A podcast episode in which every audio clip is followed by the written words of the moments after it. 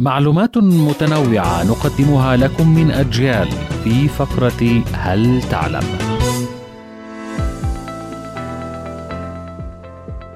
لوحة الموناليزا المشهورة التي رسمها الفنان دافنشي سرقت في عام 1912 من متحف اللوفر في باريس وبيعت ست نسخ منها مطابقة للنسخة الأصلية قبل استردادها مجددا هل تعلم عزيزي المستمع أن تمثال الحرية في الولايات المتحدة الأمريكية هو أكبر تمثال نحاسي في العالم؟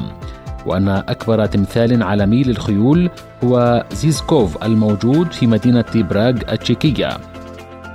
وفي معلوماتنا أيضا فإن ولاية نيوجيرسي الأمريكية تمتلك متحفا خاصا بالملاعق. حيث يحتوي على أكثر من خمسة ألاف ملعقة تم الحصول عليها من الولايات الأخرى في تقليد يعود لآلاف السنين من قبل الأمريكيين.